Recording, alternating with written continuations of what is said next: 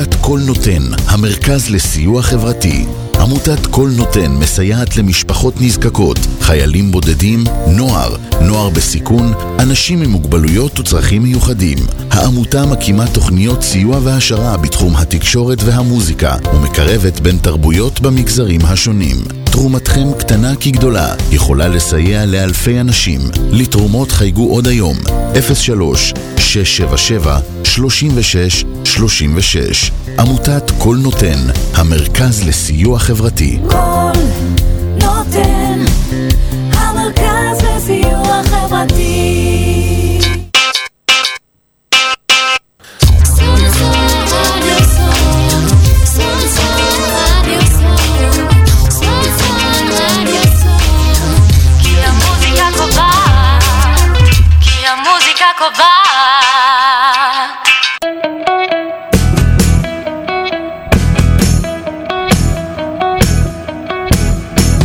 אתם מאזינים לתוכנית נקודת השוויון 365 בהגשת עורכת הדין והמגשרת נורית בן דורי שם טוב.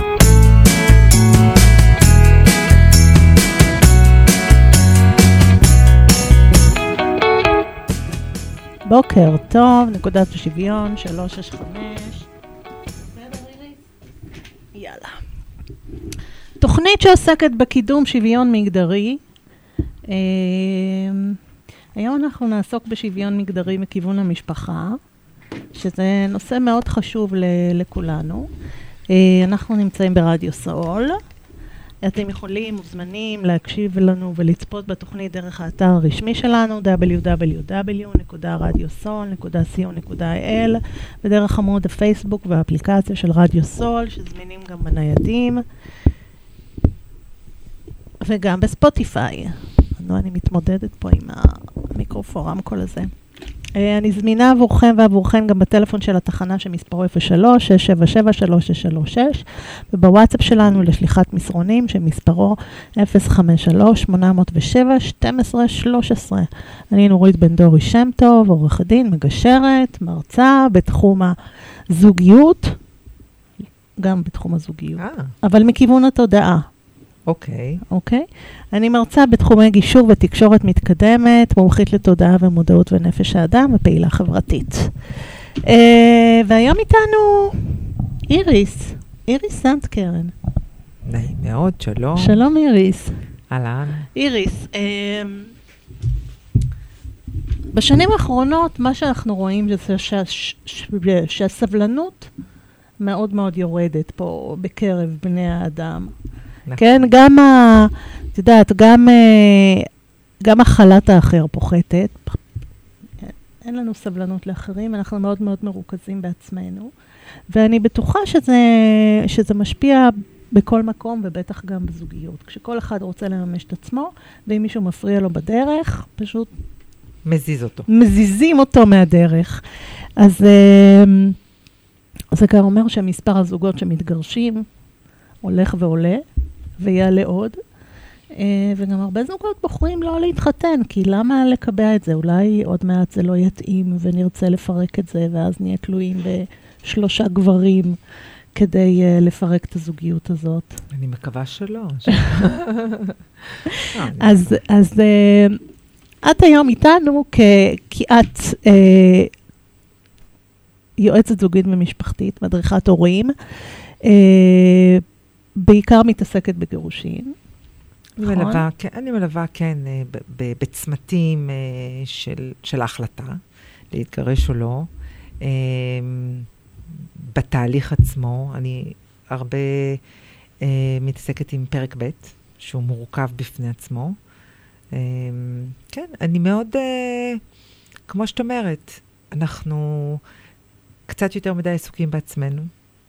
אנחנו יותר ויותר שומעים אני, אני, אני, אני, אני רוצה, בא לי, אני, עכשיו אני, תראו אותי, וקצת שכחנו לראות את האחר, וקצת שכחנו מה זה להקשיב, אמ, שזה, שזה קשוח, אני, אני אגיד לך למה, כי בסופו של דבר, אמ, כל אחד, כל בן אדם, בסופו של דבר אה, רוצה שיראו אותו. שיראו אותו, שיקשיבו לו, שמה שהוא אומר חשוב למישהו. אמ, לפחות במשפחה הקרובה, בקרב ההורים, במשק- הבני זוג. הילדים. לגמרי.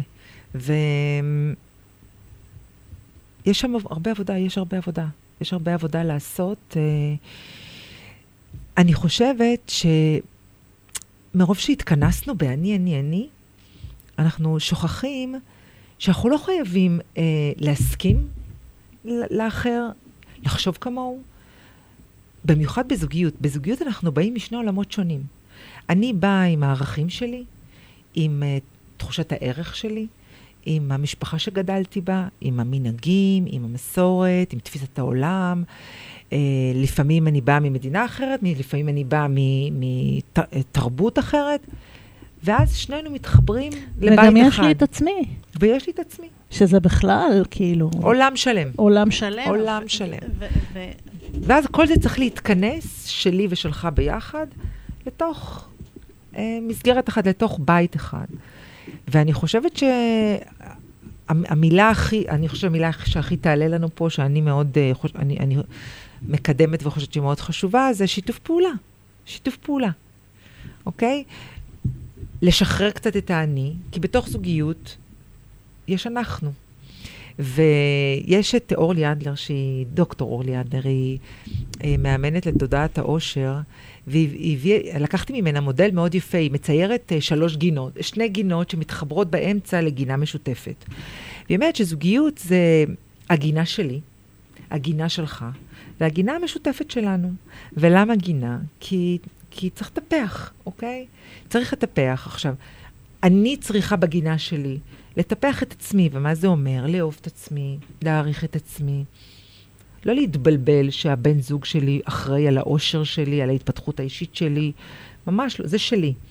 אז זאת הגינה שלי. Uh, אני צריכה לטפח אותה, להשקות אותה, להאיר אותה באלף, uh, ושהיא תהיה ירוקה. והבן זוג שלי צריך לטפח את הגינה שלו. וביחד אנחנו מטפחים גינה משותפת. עכשיו, אם אצלי יבש וקוצני, אז זה זולג לגינה המשותפת, ובדיוק הפוך. אז בתוך זוגיות, האני הוא חשוב, אבל צריך גם uh, אנחנו. וגם אה, קצת מסובך שאם יבש בגינה שלי, שהוא הוא ירטיב לי וישקה לי ויטפל לי את בגינה. לגמרי לא. זה, אני חושבת שהכי חשוב... זה מעייף, וזה לא. מתיש, וזה... לגמרי. אני חושבת שזאת, שזו איזושהי ציפייה שהיא לא ריאלית. שישלימו אותנו, שישלימו את מה שאנחנו ל- לא, וזה זה לא ריאלי. טעות ביסודה. טעות ביסודה, זה לא ריאלי. העושר, אה, התחושת אה, מועילות, התחושת שייכות, התחושת הערך, זה דברים שאני צריכה אה, לעבוד עליהם בעצמי. ולראיה, שהרבה פעמים מתגרשים, כשלא עשינו עבודה עצמית, ו- וכשלא טוב לי ורע לי, ואני מרגיש, אה, או מרגישה ש... שלא יכולה יותר, אז, אז אני עושה השלכה על הבן זוג. אם הוא לא יהיה, הכל יהיה הרבה יותר. אם, אם אחד אחר זה יהיה נהדר.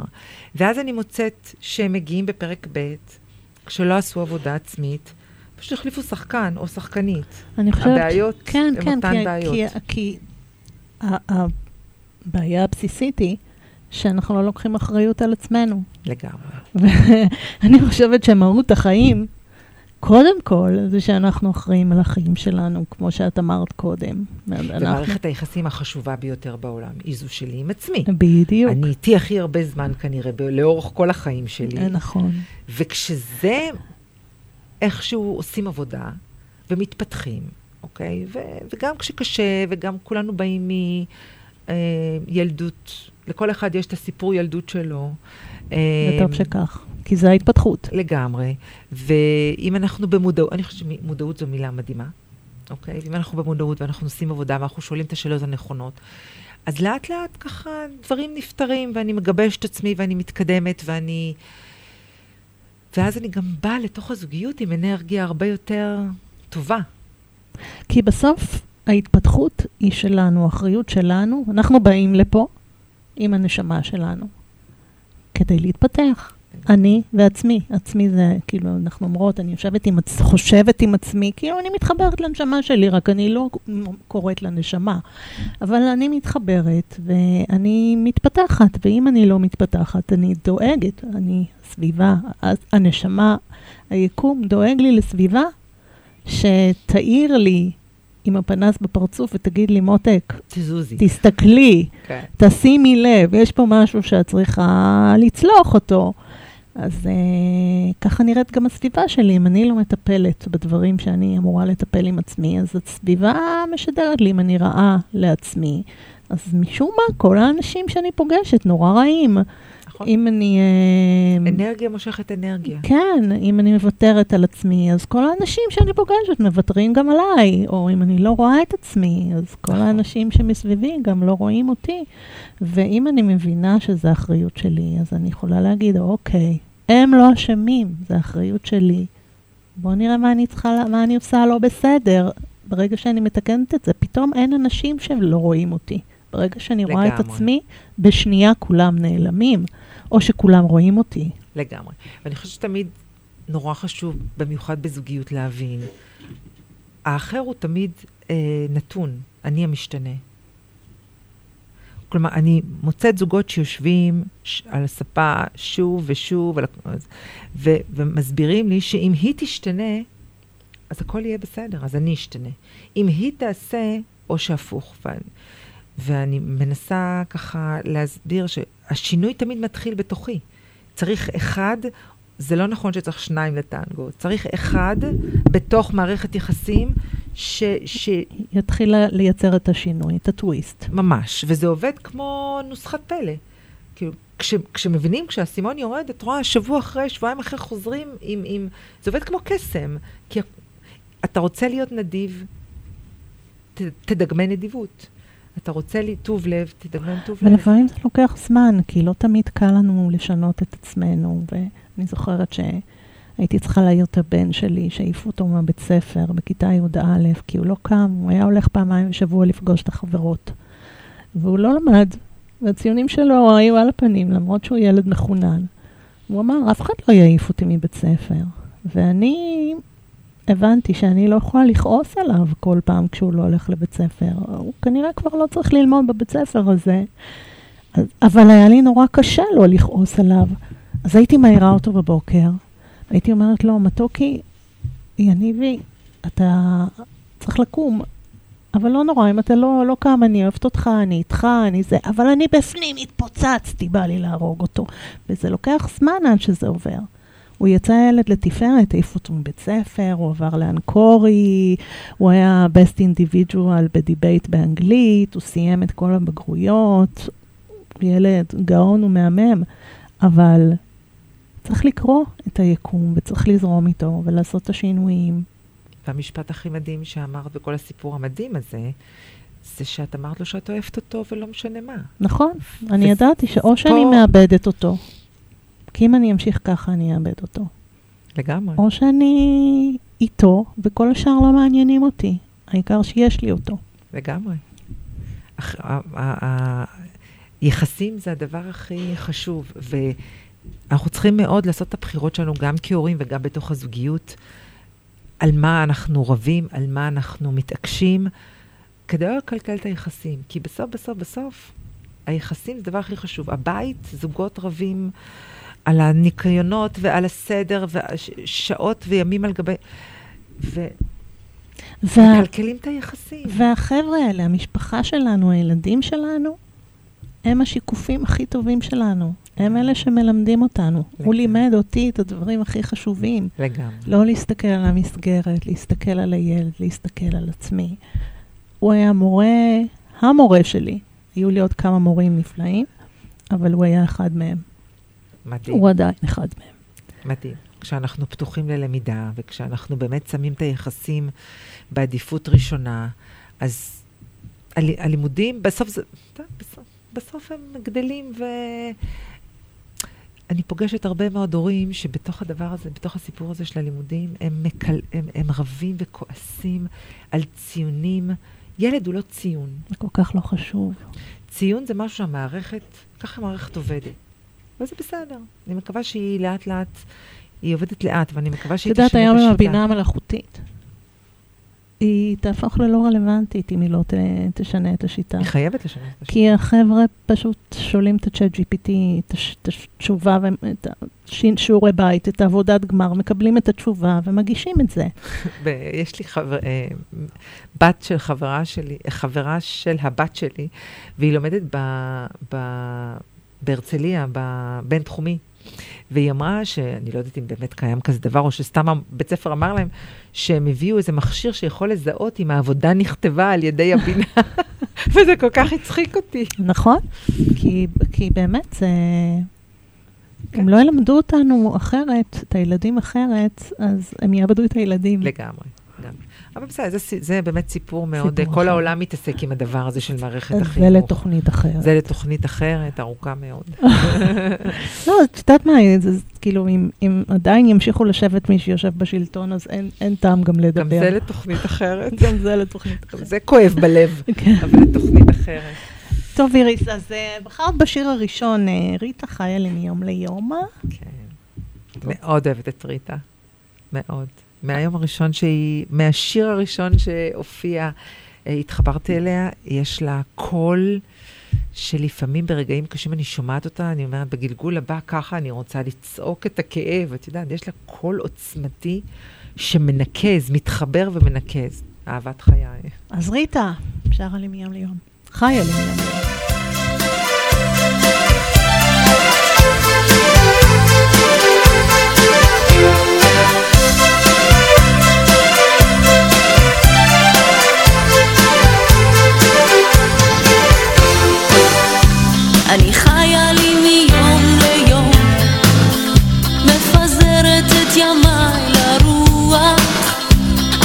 אנשים מתחתנים סביבי, גם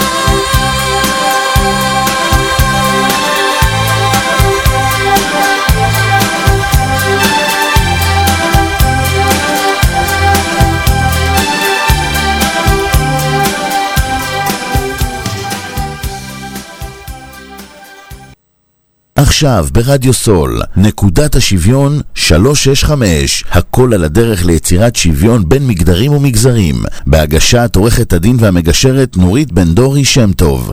חזרנו. חזרנו. איריס סנדקרן. אה, איריס, אה, את בעצם, לפי מה שדיברנו, מתוחכמת. את פתחת קריירה אחרי שצברת ניסיון, והחוכמה שלך הייתה לפתוח את הקריירה בתחום שצברת בו ניסיון, שזה חוכמה. אז בואי תסבירי את הקונספט. פיתחתי קריירה, קודם כן. אה, עכשיו הבנתי אותה. עכשיו, אוקיי. אז, אז כן, אז קודם הייתי אימא. אה, ועברתי מסלול מאוד ארוך של אה, להביא ילדים. הילדים שלי כולם אה, בהפרעות מבחנה. בני כמה הם? 26, יש לי בת בת 26, בת בת 24, בן בן 20 ובן מאומץ בן 14. זה כשהתחילו רק המבחנות, שהם רק צמחו. ממש, בתחילת ממש, המבחנות. בתחילת הדרך, שזה עוד היה מאוד קשה לדבר על זה אפילו. אני, לקח לי לפחות שלוש מבחנות ראשונות כדי לה, את היכולת להגיד, אני בטיפול מבחנה, זה היה מאוד לא מקובל. אז קודם הפכתי לאימא, שזה היה לי מאוד חשוב. אני, אני חושבת שנולדתי מטפלת. נולדתי מטפלת. אני כבר באחותי, כשאימא שלי הביאה את אחותי מהבית חולים, אני הייתי בת שבע, היא שמה לי אותה בידיים, וזה היה סיפור אהבה מהמבט הראשון. וכשחברות שלי שיחקו בבובות, אני חיתלתי אותה והאכלתי אותה, ו- ו- וכל פעם הייתי משכנעת את אימא שלי שתיתן לי את השלב הבא, אני עכשיו יכולה, אימא, אני יכולה גם, גם זה, ואני יכולה גם... ולקחתי אותה לגן, ואחר כך אחי הקטן אה, הגיע, וזה היה בשבילי, לא יודעת, כמו משהו מולד כזה. אז, אה, אז כשהגיעו הילדים, אחרי שהצלחתי, אחרי חמש שנים רק הצלחתי את הילדה הראשונה, את אה, המיטוש, אה, ואז התפניתי, ואז אמרתי, אוקיי, עכשיו, עכשיו אני מתחילה ללמוד. בת בת כמה היית? אני התחלתי ללמוד רק בגיל 35. הגעתי לאוניברסיטה הפתוחה, ומשם התחלתי מסלול מאוד ארוך, אה, דרך מכון אדלר, אוניברסיטת בר אילן, קואוצ'ינג למדתי. קצת אה, סטודנטית אה, אה, כזאת אה, שלא עוצרת. היו לי שנים שהחלטתי שאני חייבת גמילה. את כל. ככל להתחיל שהילדים גדלו... לעשות, להתחיל כן, לעבוד. כן. ו... וכשהבן הקטן שלי, שמתי אותו בגן. והבוקר כבר היה שלי, אז התחלתי הדרכת הורים, אחר כך הוספתי ייעוץ זוגי, התמחות בפרק ב'. התחלתי קריירה מאוחרת, וזה היה נהדר, בשבילי זה היה מדהים, כי האימהות בשבילי הייתה מתנה. אני מאוד, אני חושבת שמאוד חשוב, אה, אני חושבת שחשוב לילדים אימא שהיא, שטוב לה. כי כשטוב לאימא, טוב לילדים. נכון. ואני חושבת שהפמיניזם, בעיניי, זה הזכות לבחור. ואני בחרתי שכשהילדים מגיעים הביתה בצהריים, אני איתם. זה היה לי מאוד מאוד חשוב. ו... והייתה לי את הזכות הזאת, כי באמת... אה, יכולת לעשות את זה. יכולתי להרשות לעצמי, לך. כן, כל הזמן הייתי אומרת, תודה רבה, באמת יכולתי, בא לי גם אה, שותף מדהים, ו, וגם פרנס אותנו ככה בכבוד, אז יכולתי לעשות את זה, אבל ידעתי שזה, שזה לא פרק לתמיד, א', לא כן, לתמיד. שזה פרק א'. ואז ברגע שבן, אה, איך, איך ידעת, כאילו, למה ידעת שזה, שזה פרק א'? כי אני חושבת שמאוד חשוב לאישה להיות עצמאית. אבל, אבל מה אצלך, כאילו, אה, איך או, אני ידעת חושבת שזה שזה יושב על חרדה. לא, אני בן אדם מאוד חרדתי, ואת תמיד לא יודעת מה יהיה. את לא יודעת מה יהיה. ההורים שלי התגרשו. ואימא שלי נשארה לבד, ופרנסה לבד את ה, את, אותנו, והיא עבדה מאוד קשה. ואני חושבת שכשאת את חיה ב, ב, במקום הזה ש, שאפשר שיתגרשו, את יודעת שדברים לא... כאילו חרדת מהסיטואציה שפתאום תישארי לבד בעולם. כן, וזה יכול להיות מכל מיני סיבות. אמ, אז תמיד אמרתי, אני צריכה שיהיה לי מקצוע. גם את הבנות שאני מחנכת ככה. צריך שיהיה לך מקצוע. אנחנו חיים בעידן שיכולה לבחור מה שאת רוצה. את יכולה להיות אימא, ולגדל את הילדים בבית, ואת יכולה אה, להיות, לעשות קריירה ולהביא מטפלת, ואת יכולה אה, ששני בני הזוג, אה, י- פעם הוא יחזור מעבודה מוקדם ופעם את, שניכם תיקחו עליכם את, ה, את גידול הילדים ושניכם תעבדו. הכל אפשרי בעצם, הכל פתוח, ואת יכולה לעבוד מהבית היום, שזה בכלל מדהים, נכון. שחבל על הזמן. אבל את צריכה שתהיה לך תוכנית מגירה. את צריכה להיות עצמאית. את צריכה לדעת שלא משנה מה, את תמיד תיפלי על הרגליים. לא להיות תלותית. לא להיות תלותית. אישה צריכה להיות עצמאית, לדעתי, בכל תחומי החיים. גם בתוך הזוגיות.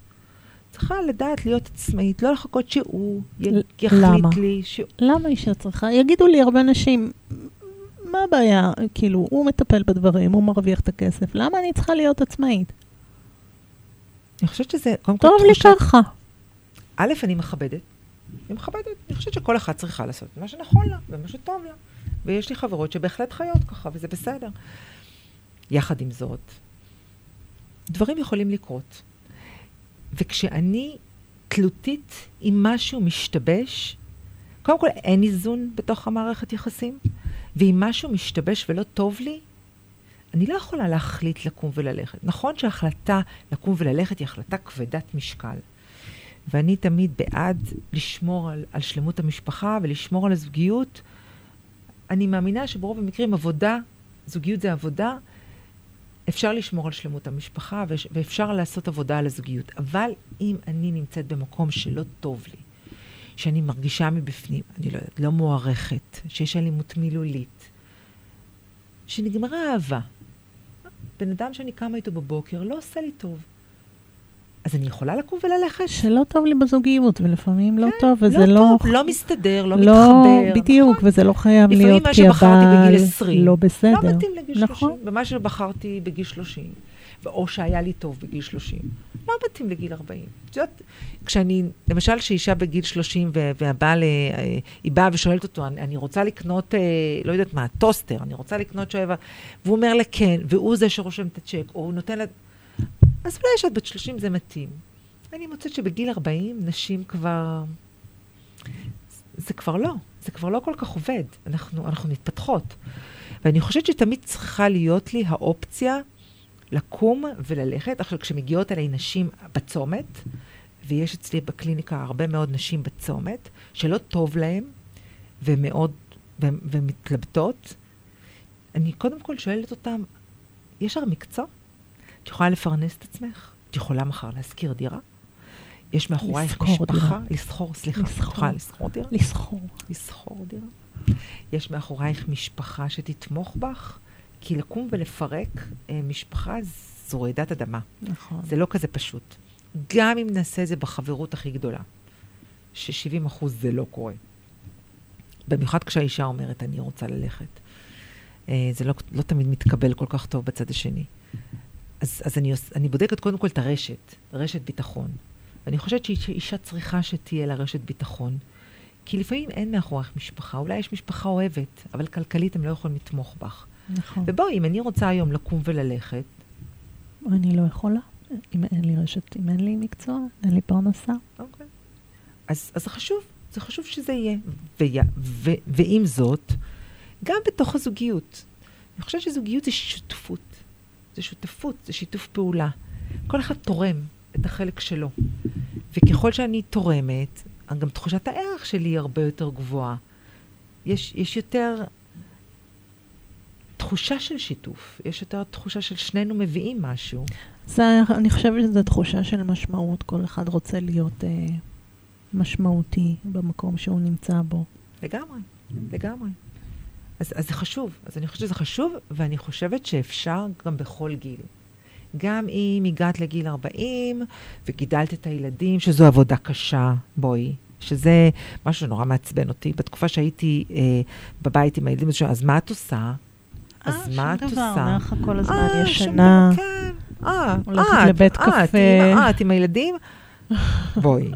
לגדל ילדים... העבודה הכי קשה. אנחנו היום יודעים שאם אנחנו צריכים להביא מטפלת, מבשלת, מכבסת, אה, בייביסיטר, אה, מורה, אה, פסיכולוגית, כן, אה, שמכילה, זה עשרות אלפים של שקלים. להיות אימא זו עבודה, וזה אני חושבת, לדעתי, זו העבודה החשובה ביותר בחיים, הכי משמעותית בחיים, לדעתי. אז- לך, עבורך. עבורי. כן. אה, אני עוד פעם אומרת, תמיד כל אחד בטוב. חושב אם- על עצמו. אם אישה יושבת בבית ומגדלת את הילדים, והיא בכלל חלמה על קריירה, והיא בפנים מאוד ממורמרת, ומת... אז זה לא טוב, כי זה, זה לא זולג טוב. גם לילדים וזה זולג לאווירה של הבית. תעשי מה שטוב לך. אני חושבת שמה שאת אומרת בעצם, אה, שאני צריכה להיות קשובה לעצמי. אם עכשיו נוח לי ומתאים לי ו- ואני מאושרת ומרגישה משמעותית כשאני אימא, אז להיות אימא. ברגע שאני מרגישה שמשהו משתנה ומשהו מתחיל אה, לעזוב, להימאס, אה, האנרגיה נגמרת, לראות מה הדבר הבא וללכת ו- ולממש אותו. לגמרי. ואנחנו חיות בעידן אה, נפלא. אפשר לעבוד מהבית, אפשר לעבוד דרך כן. האינטרנט, אפשר להתחיל ללמוד בגיל 40. אנחנו היום מעריכי חיים, בגיל 70 את עדיין אה, בשיא העשייה אם את בוחרת. אז בהחלט אפשר הכל. אמ, אז אני רוצה שנדבר קצת על שוויון בזוגיות. אבל לפני זה אני רוצה שנשמע את השיר הנוסף שבחרת, של עידן עמדי, ומלו, מקום לשנינו. שיר מהמם.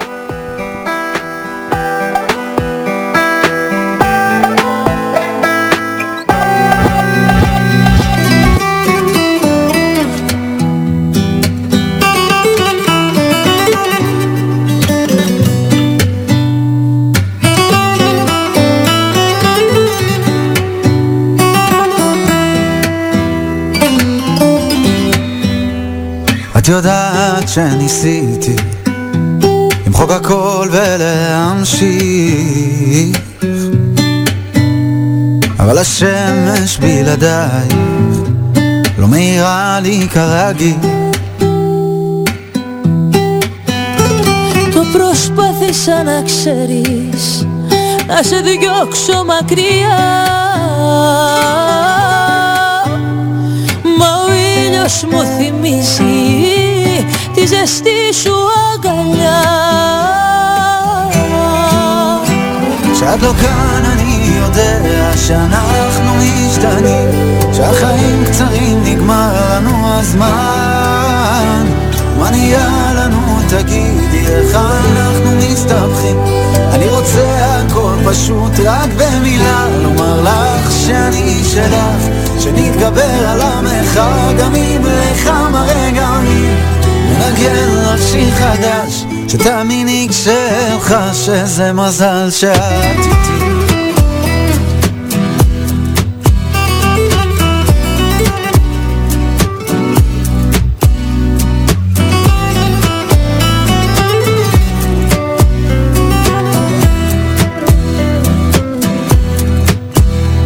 אולי ימצא מקום לשנינו, ונברח כמו שרצית. אני יודע לא הכל מושלם, אבל נחיה על יד הים בשקט, את אני והילדים. כן, מקריא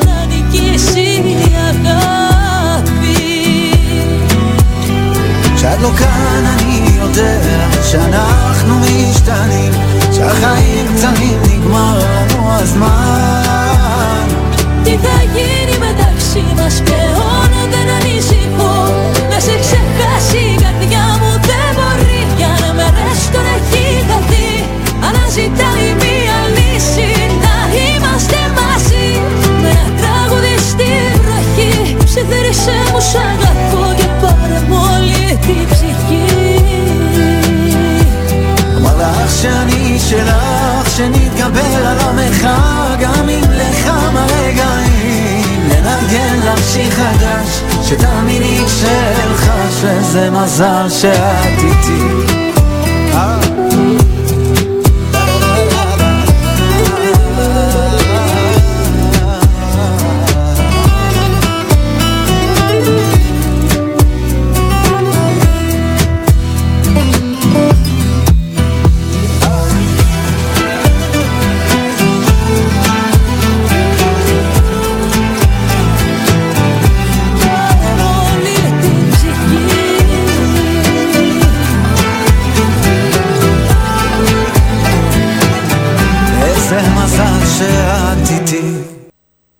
עכשיו ברדיו סול, נקודת השוויון 365, הכל על הדרך ליצירת שוויון בין מגדרים ומגדרים, בהגשת עורכת הדין והמגשרת נורית בן דורי שם טוב.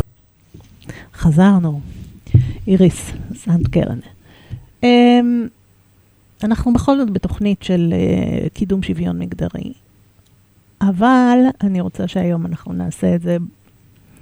אני רוצה לראות נקודת המבט שלך על שוויון מגדרי בתוך המשפחה. איך זה נראה בתוך המשפחה? האם זה עולה בסשנים שבתוך המשפחה, הנקודה הזאת של חוסר השוויון? איך צריך להיראות ואיך לא צריך להיראות שוויון בתוך המשפחה? אוקיי, אז עולה בוודאי, מכיוון ש... אני חושבת שפעם היה, העולם היה הרבה יותר פשוט. הגבר היה הולך לעבודה, מביא את הפרנסה, והאישה הייתה אחראית על כל השאר. הכל היה מאוד ברור. היום יש לנו עודף של בחירה, אה, ובאמת, כל זוג, זה, זה בא קודם כל מ- מהמודל שאנחנו מביאים מהבית. אז uh, זה עולה הרבה בחדר, כי, כי יש זוגות שהיא מביאה מהבית מודל שאימא שלה הייתה אישה מאוד uh, עצמאית, וכל החלטה בבית הוחלטה ביחד. ו, ואבא עזר, יש לי uh, מישהי שאבא שלה הוא... כמו אבא מהחלומות, הוא, הוא היה מבשל, והוא היה מטפל בילדים, ותוך כדי עבודה, והתחתנה עם מישהו שהוא בן יחיד, וגודל כנסיך. ואבא שלו אומר לה, אני לא מבינה מה את רוצה ממנו. את האישה, תנקי, תגדלי. והילדים קטנים, ויש שם, אה, הוא אמר לה, אני לא אהיה אבא שלך, תשכחי מזה. אז, אז א', אנחנו מביאים את המודל ש, שגדלנו איתו בבית, וזה מאוד חזק בתוך, ה, בתוך, ה, ה, בתוך מערכת היחסים. עכשיו, אני חושבת קודם כל, שלפני שמתחתנים, הכרתם התאהבתם, וכמו שאנחנו משקיעים בארבע שמלות כלה ואלפים, מאות אלפים באולם, אני חושבת שמאוד חשוב לעשות חוזה זוגי בינינו, אמ, ולדבר על, על הדברים האלה, על, על השיתוף פעולה בינינו, איך אנחנו רואים את זה, אוקיי? אם אני רוצה להיות אשת קריירה, ואני, זה ברור לי שאני עושה ילד, נשארת איתו בבית, ושמה אותו או בפעוטון, או מביאה מטפלת, וחוזרת בחזרה לעבודה. אז זה מאוד חשוב לדבר עם הבן זוג על הדבר הזה. זה צריך להיות על השולחן. זה חייב להיות על השולחן. כי אם הוא רואה את הדברים אחרת, אז לא להיזכר, אז, אז אם לא דיברנו על זה, אז עכשיו נולדו הילדים, נולד הילד הראשון, יש לי זוג כזה, והוא אמר לה, ממש לא, לא תהיה מטפלת. את האימא, את תגדלי את הילד, כאילו, עד שהוא ילך לגן. והיא התרסקה. אמרה לו, רגע, אבל מה עם הקריירה שלי? זה נורא חשוב לי. אמרה לה, ממש לא, אני לא מתכוון לעזור, והכל עלייך. עכשיו, זה שבר מאוד גדול, וזה משהו שחשוב לדבר אותו לפני שהילדים מגיעים. בכלל, שיתוף פעולה בתוך זוגיות, זה משהו שאנחנו צריכים לחזק ולפתח לפני שהילדים מגיעים. כי כשהילדים מגיעים, מתחילים הרבה מאוד משברים, כי, כי אנחנו צריכים לשתף פעולה בריבוע. אז גם יש את השינוי שיש פתאום ילדים, אבל גם פתאום את אה, נתקלת בדברים שלא דיברת עליהם קודם. יש הרבה עבודה. פערים מאוד מאוד גדולים. זה כבר לא אני ואתה. לא באו לידי ביטוי. בדיוק, זה כבר לא רק אני ורק אתה. כמו שאנחנו כבר... מתגרשים, אז כל החוכמה היא לעשות הסכם מבעוד מועד, כדי שכשמתגרשים וכבר יש גם ככה בעיות רגשיות ואחרות, לפחות ההסדרים עם הילדים ואיך נתנהג עם הדברים שיכולנו מראש להחליט כשאנחנו רגועים ושקטים.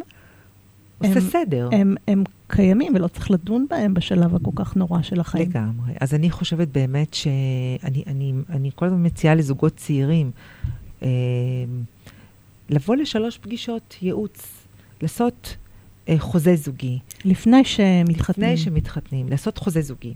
פגישה אחת. ופגישה אחת, ללמוד לריב, נכון. ופגישה אחת, ללמוד לשתף פעולה. ללמוד מה זה שיתוף פעולה. ואז את שואלת אותי, אה, איך זה, השוויון ערך. קודם כל, אני חושבת שכאישה אני צריכה להרגיש שווה. בפנים, אוקיי? קודם כל. קודם כל. אמ, אני מוצאת שהרבה מאוד זוגות צעירים, אה, ה- ה- זה- הם- ה- השוויון בפרשנות זה חצי-חצי. אני ואתה חצי-חצי. ננקה את הבית חצי-חצי. אני אנקה נעשה- את המטבח, אתה תנקה את הסלון. בדיוק. או שביחד. או שביחד. באותו אבל זה זמן. חייב להיות חצי... וזה לא. וזה לא. אמ, שיתוף פעולה זה כל אחד צריך להביא את החוזקות שלו. כל אחד צריך להביא את הדברים שהכי קל לו להביא. ואז ביחד אנחנו יוצרים איזשהו משהו. אם אני רואה אותך ואתה רואה אותי, אנחנו יוצרים איזשהו משהו שאני קוראת לו כוח על. תני לי דוגמה מהקליניקה. מה... אני אתן לך דוגמה של הרבה מאוד זוגות צעירים. בוקר זה זמן מאוד לחוץ. אה, שלושה ילדים לשלוח לבית ספר, זה להעיר, סנדוויצ'ים, אה, להלביש, אה, וזה לא רוצה, וזה לא רוצה את הסנדוויץ' הזה, וזה זמן שיש עליו הרבה מאוד מריבות. אז יש לי זוג שהיא, מאוד קשה לה לקום בבוקר. עכשיו, זה גם יושב על השוני בינינו, זה משהו שצריך לראות. אני לא יכולה לדרוש ממך להיות כמוני. כלומר, אם אתה ציפור לילה, אני לא יכולה לעשות אותך עכשיו uh, מתעורר בשש בבוקר, ואני יכולה לרצות, אני יכולה לריב על זה כמה שאני רוצה, אבל יש דברים שהם קצת ב-DNA. אז שיתוף פעולה זה לראות אותך ולראות את החוזקות שלך. ושם היו מריבות על הבוקר הזה. הוא, הכי קל לו בעולם להתעורר בבוקר. הוא בשש בבוקר מאלה שמסיימים ריצה וכבר, יודעת, אוכ- אוכלים את העולם. והיא צריכה עוד חצי שעה לישון, מתעוררת לאט, והקפה לאט, וכל בוקר היו שם התנגשויות ומלחמות עולם. את לא התעוררת, את כן התעוררת, את כן אמרת, את לא, אתה עשית סנדוויצ'ים. ואז יצאתי, אמרתי, רגע, שנייה אחת. הוא בערב כבר קשה לו, אחרי שמונה וחצי, להגיד לו תעשה מקלחות לילדים, זה גם כן סוגיה שכל הזמן מתווכחים עליה. אז אמרתי, בוא, תן לה את הבוקר. תן לה לישון עוד חצי שעה. לך זה הרבה יותר קל. היא מכינה סנדוויצ'ים ערב קודם, אתה מתקתק את הילדים, מוריד אותם למסגרות, נגמר הבוקר, נגמרו הוויכוחים. ואת בערב, אחרי שמונה וחצי, תשחררי אותו. קחי עלייך את המקלחות ואת ההרדמה, הוא כבר גמור, כי הוא לא בן אדם של ערב. והיא ב-12 עוד יכולה לעשות אה, עוד מכונת כביסה, כן? היא כזה... ותקשיבי, אחרי שבועיים של אה, ניסוי, זוג חדש בא לעולם. 40% מהמריבות ירדו. ומה עשינו פה?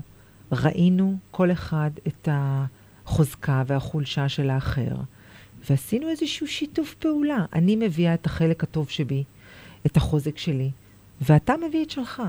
ושיתוף פעולה זה משהו כזה שאני לא יכולה, אני מוצאת את הזוגות הצעירים המון, בכלל בזוגיות, רוצים נורא לשנות את האחר, אוקיי? שהוא יעשה מה שאני רוצה, כמו שאני רוצה. אני חושבת שזה מגיע בעיקר מחוסר הבנה שאנחנו בני אדם שונים, בנויים אחרת. גם אנחנו אנשים דרך לגמרי. אגב. לגמרי, לגמרי. בנויים אחרת וגם לגמרי. אנחנו אנשים, דרך אגב, אני חושבת שזה הרבה אצל נשים, שהוא כבר כולם. נשאר עם הילדים, והוא כבר מכין ארוחת ערב, אז היא רוצה שהוא יכין את זה כמו שהיא רוצה, ושהוא ינקה כמו שהיא רוצה, ושהמטבח ייראה כמו שהיא רוצה. נכון, ברור. תשחררי. הוא לקח על עצמו את הערב, שיעשה את זה בדרך שלו, שיאכלו את הפיצה על הראש, שיעשה את הכלים אחרי שעה. תשחררי. לא, אבל אנחנו רוצים שהדברים יהיו כמו שאנחנו רוצים ואיך שאנחנו רוצים, וזה לא עובד בתוך שיתוף. בתוך זוגיות זה, זה פחות עובד. הצורך הזה בשליטה הוא צורך אה, קטלני, כשמשחררים שם, דברים מופלאים קורים. ממש. לגמרי. תגידי לי, אה, אה, אז מה את אומרת בעצם? לנסות לפני שבכלל אה, מחליטים להתחתן, לבוא ולדבר, להכיר אחד את השני ברמה היותר עמוקה, כאילו לנסות אה, לשנות את התפיסה שלי לגבי עצמי ממש לפני שאני מתחתנת? לא, ההפך, לא לשנות את התפיסה, אלא להביא, להקשיב לצד השני ברמה קצת יותר עמוקה. מה החלומות שלו, אה, או שלה, אה, על איזה ערכים אנחנו רוצים לגדל את הילדים, אוקיי? ערכים זה משהו שהוא מאוד חשוב, זה, זה חלק ב-DNA שלנו. ואז נולדים הילדים, ולי נורא חשוב ערך של כבוד, אבל הוא מבחינתו אין עצמות בלשון וכל המילים כשרות. את מים והוא אוויר. נכון. אוויר אה, שקוף. מה זה שקוף? אומר הכל, יפה. שום דבר לא אוקיי. חוסם אותו. יפה. אז אם, אז, אז אם אני בן אדם שמילים מבחינתי יש להם משמעות, אז, אז זה חשוב להביא את הדבר הזה. תראי, למילים יש משמעות, וזה לא משנה מי הבן אדם. יש כאלה שחושבים, שזה נושא שאני מדברת עליו הרבה וכותבת עליו הרבה, יש אנשים שחושבים שמילים זה, את רואה באיזה עידן אנחנו חיים, שמותר הכל להגיד, וגם לשקר, וזה בסדר. כן. ויש את אלה שחייבים להגיד לך את האמת, שהיא האמת שלהם. כאילו, מה זה אמת? אמת זה דבר מאוד סובייקטיבי. שהיא האמת שלהם, אבל הם חייבים להגיד לך את האמת. יש עכשיו, דרך אגב, בחתונמי, יש זוג אחד, שהיא עובדת סוציאלית, מתוקה, ולדעתי ההתאמה שם מזעזעת, והוא כבר פעם שלישית, אני חושבת, אמר לה שהיא לא... היא לא הטיפוס שלו, היא לא הטייפקאסט שלו. טייפקאסט שלו. והוא אמר, זו האמת שלי ואני חייב להגיד אותה. והיא יושבת שם עם הדבר הזה, והיא אומרת, "א- אין לי מה לעשות עם זה. אז למה אתה חייב להגיד את זה כל כך הרבה פעמים? וגם הוא אומר לה שהיא גדולה ממנו בכמה שנים, והוא לא יכול לצאת עם גדולות, גם עם. זה אין לה כן, מה לעשות. את מכירה את ה... אני חייב להגיד את האמת שלי. לא, לא, אפשר קצת לשתוק. אנחנו בעידן כזה שאפשר קצת לשתוק. והאמת היא האמת שלך. אוקיי, זו תפיסת העולם שלך, זה מאוד סובייקטיבי. מה שאתה רואה זה לא מה שאני רואה. אז, אה, אני לא מדברת אבל על זה, כי כל אחד באמת, התפיסת עולם שלו היא שונה בהתאם למי שהוא. לגמרי. אבל איך להגיד את הדברים? אה. כאן אי אפשר להתעלם מזה, שזה תדר, וזה תדר שחודר לנו לכל תא ותא בגוף, והוא לגמרי. עושה נזקים. ואני חושבת שלמילים יש כוח אדיר. יש להם כוח. אדיר. וגם בתוך הזוגיות. זה כל כך חשוב. ה- את יודעת, אני לא יכולה במשך היום להגיד לו שהוא אפס, או שהוא לא גבר, ואני שומעת את זה, או שהוא בכלל לא, לא שווה, ואז בערב לצפות שהוא יהיה המאהב ה... האביר על הסוס הלבן. או שלצפות שהוא ישתף איתי פעולה. או לצפות שהוא בכלל יבוא לקראתי. מרחיקה אותו, אז איך את רוצה אותו קרוב? שים, כן, שימו לב למילים. למילים יש כוח, אני יכולה לבקש בקשה. אני יכולה להגיד, הייתי שמחה אם תעשה את זה בשבילי. אני יכולה להגיד, מאוד חשוב לי. אני יכולה להגיד, אני מרגישה. אבל כשאת מקטינה את האחר ומשתמשת במילים שהן מרעילות, אני תמיד אומרת, יש לי מבחן. באמת מילים מרעילות. אנחנו צריכות לעצור? לא, לא, יש לנו עוד כמה דקות. אני אומרת שיש לי מבחן, ולפני שאת מוציאה את המילים מהפה, תשאלי את עצמך שאלה. אני מאירה את המערכת יחסים הזאת או מרעילה אותה? אם זה משהו לך להרעיל את זה, למה? למה? האמת? לא, למה? אוקיי? אם זה משהו רעיל, אפשר לשתוק קצת, כאילו, שתיקה היא יפה. אמרו שתיקה יפה לחכמים. כן. אז זה משהו שלפני שמוציאים מ- מילים מהפה, ובמיוחד בתוך זוגיות, שזאת מערכת יחסים עם אבא של הילדים שלי, עם האיש שבחרתי, עם הבן אדם שבניתי איתו משפחה. כבוד למילה, בעיניי, זה משמעותי. זה קודם כל כבוד, זה כבוד למילה או זה כבוד לאדם? כאילו, כבוד למי שאתה, למי שאת. זה מאוד משמעותי. ואני חושבת שאפשר, כשאנחנו באים ממקום אה, שאנחנו נוגעים בלב, שאנחנו מדברים מהרגש, שאנחנו מבקשים בקשה, אנחנו יכולות להשיג פי שלוש שיתוף פעולה. אבל אז אנחנו כבר צריכות להיות במקום טוב, לא במקום הישרדותי. כי כשאנחנו במקום הישרדותי, אנחנו לא יכולות לחשוב, אה, נכון. לא יכולות לחשוב מתוך מודעות, כי כשאני בהישרדות ואני בורחת מהאריה, אני לא יכולה לחשוב איך הוא ירגיש אם לא יהיה לו אוכל. או, אם אני בורחת מהאריה, אז כבר יש לנו פה סיטואציה אחרת. זה מפחיד. כאילו, מפחיד. אז, אז, אז הרבה זוגות נמצאים במצב של מלחמה. נכון. ביום-יום הם במצב של מלחמה. הם מגיעים הביתה מעבודה לתוך המלחמה, וזה מצב הישרדותי, וכשאתה במצב ההישרדותי, אתה בורח, אתה יורה, אתה נלחם על החיים שלך, ואתה לא בדיוק, את לא בדיוק חושבת בצורה מודעת איזה מילים להגיד ואיזה מילים לא להגיד, כי את לא נמצאת שם. וכדי לא להגיע למצב הזה מלכתחילה, אז בואו נכיר קודם כל אחד את השני לפני שאנחנו נכנסים למערכת שיכולה להיות אה, רעילה כל כך והישרדותית כל כך. ואל תשכחו שיש ילדים בתוך המערכת הזאת. שיונקים הכל. שיונקים הכל. ילדים לא לומדים אותנו, הם, לומדים, הם לא לומדים מאיתנו, הם לומדים אותנו. הם לומדים אותנו, הם זה רואים בדיוק. וסופגים הכל. כן, זה נכון, ואני חושבת שבכל סיטואציה שאת נמצאת בה, גם אם אריה רודף אחרייך, עדיין יש לך בחירה. איך את בורחת ואיך את מנהלת את המלחמה הזו. כי כשאנחנו במלחמה, ואני מביא אקדח, את מביאה טנק, אני אבל מביאה... במלחמה את לא במודעות. את יכולה לבחור, את בוחרת, את יותר בוחרת בצורה אינסטינקטיבית, כאילו. נכון. את נכון, לא, הראש שלך לא קשוח. כל כך עובד. נכון, זה יותר לא- קשוח. תחש... אני, אני יודעת, כשמעירים אותי משינה ואומרים לי משהו שמשגע אותי, אני ישר תוקפת. זה נכון. דברים שכשאני... יש סגנונות, את יודעת, יש כאלה שנעלמים, אה, זה קופאים, תלוי, או שאתה תוקף, או שאתה בורח, או שאתה קופא. כן, כן. אבל... אה, אז לבוא לייעוץ, לבוא לייעוץ. זהו, להבין שאנחנו לשבת בני עם מישהו אדם. אובייקטיבי ו- ו- ולנסות לפתור את הדברים. שיכול להסתכל על זה כי- מבחוץ. כי זה לא, את יודעת, זה לא מקום עבודה. משפחה זה לא מקום עבודה. אני מאוד מאמינה שהבית הוא העוג- העוגן שלנו. הוא המקום הזה שממנו אנחנו יוצאים בבוקר למלחמה, ל, ל, ואליו אנחנו חוזרים בסוף היום. וזה, וזה מקום שיש לו חשיבות עצומה, הוא כמו אמור עוגן. להיות אי המבטחים שלנו. לגמרי, לגמרי.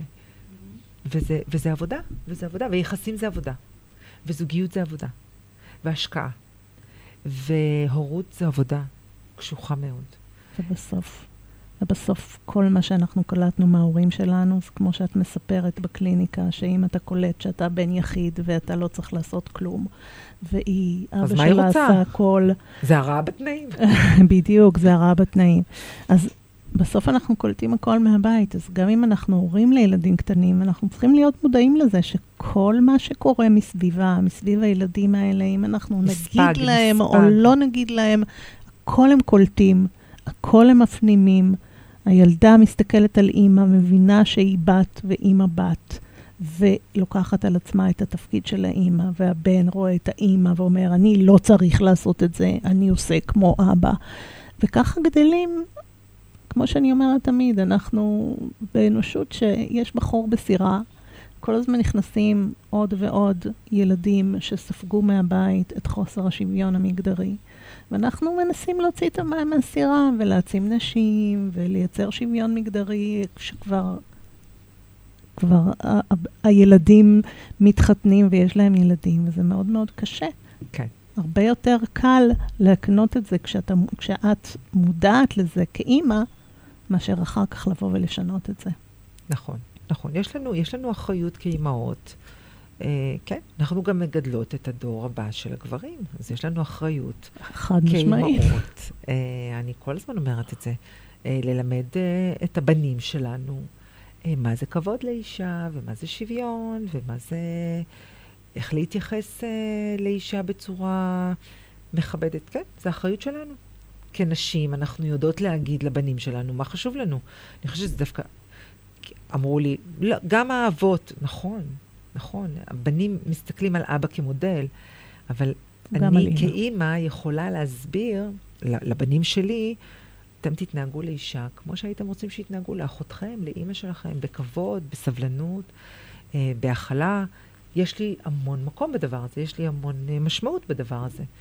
אז אין ספק שאנחנו מגדלים את הדור הבא, מגדלות ומגדלים את הדור הבא. אז איריס יקרה, אני חייבת להגיד לך, לא יודעת מי מהמאזינים והצופים שלנו יודע שאת היית מלכת יופי. כן, כן, אני רוצה להגיד את זה, כי אני רוצה להגיד שגם את היית מיס אסיה, ואני רוצה להגיד שאת היית יפה, היום יפה, גם מבחוץ וגם מבפנים. ואני תודה. באמת חושבת שמי ש, אה, מי שזוכה ב... בתשומת לב שלך, כ- כלקוח, או אני לא יודעת, הילדים שלך או בעלך, הוא באמת זוכה. כי אני חושבת שאת חיה את מה שאת אומרת. זה נורא כיף לראות את זה, ואני נורא שמחה שהתארחת פה בתוכנית. תודה רבה, היה לי ממש ממש כיף, ומתי שאת רוצה אני אבוא. יש לנו עוד הרבה על מה לדבר. בשמחה רבה. ואנחנו נסיים עם השיר שבחרת, אה, של דיוויד ברוזה, סיגליות. סיגליות, ונתראה בשבוע הבא.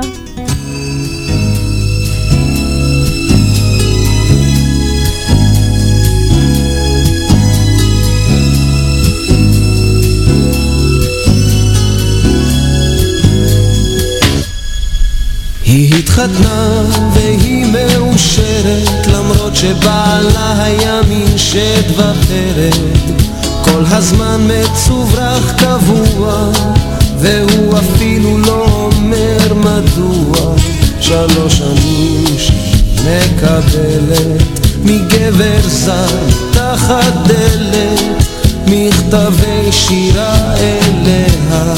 הם מאירים את עלומיה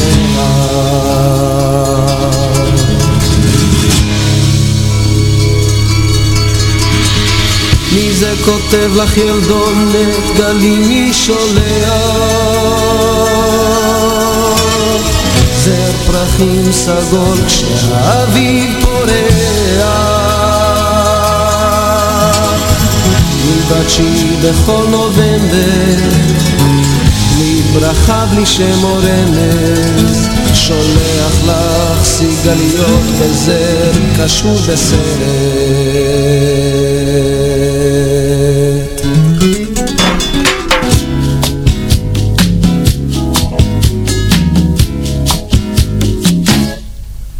לילות שלמים שהיא לא נרדמת, עליו בהקיץ היא חולמת, הוא בטח גבר עם לב רומנטי, נשמה טובה וחיוך סימפטי, שלוש שנים הוא בשקט, כן לפעמים היא כמעט צועקת, ומה אם בעלה יודע? היא מסתירה את מכתביה.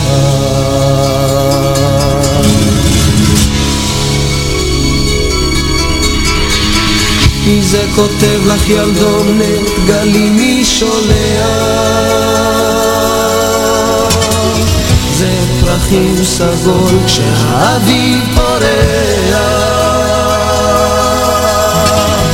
מלבד שהיא בכל נובמבר ברכה בלי שם או רמז, שולח לך סיגליות בזר קשור בסרט.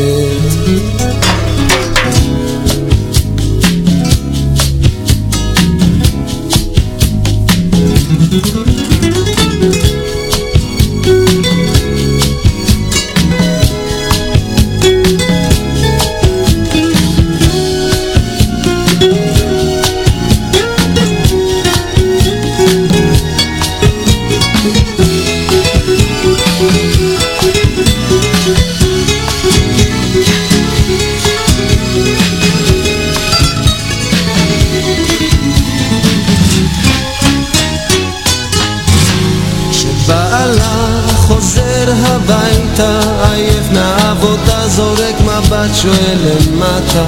הוא לא אומר כן והוא יודע, אם היא תדע בטח תשתגע. כן זה הוא שכותב אליה, הוא האהוב,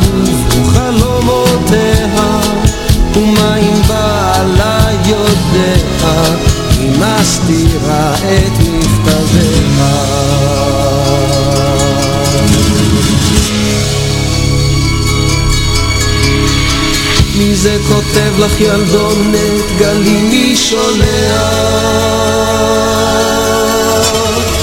זר פרחים סגול כשהאביב פורח מלבד שהיא בכל נובמבר בלי ברכה בלי שם שולח לך סיגליות וזה קשור בסרט da da da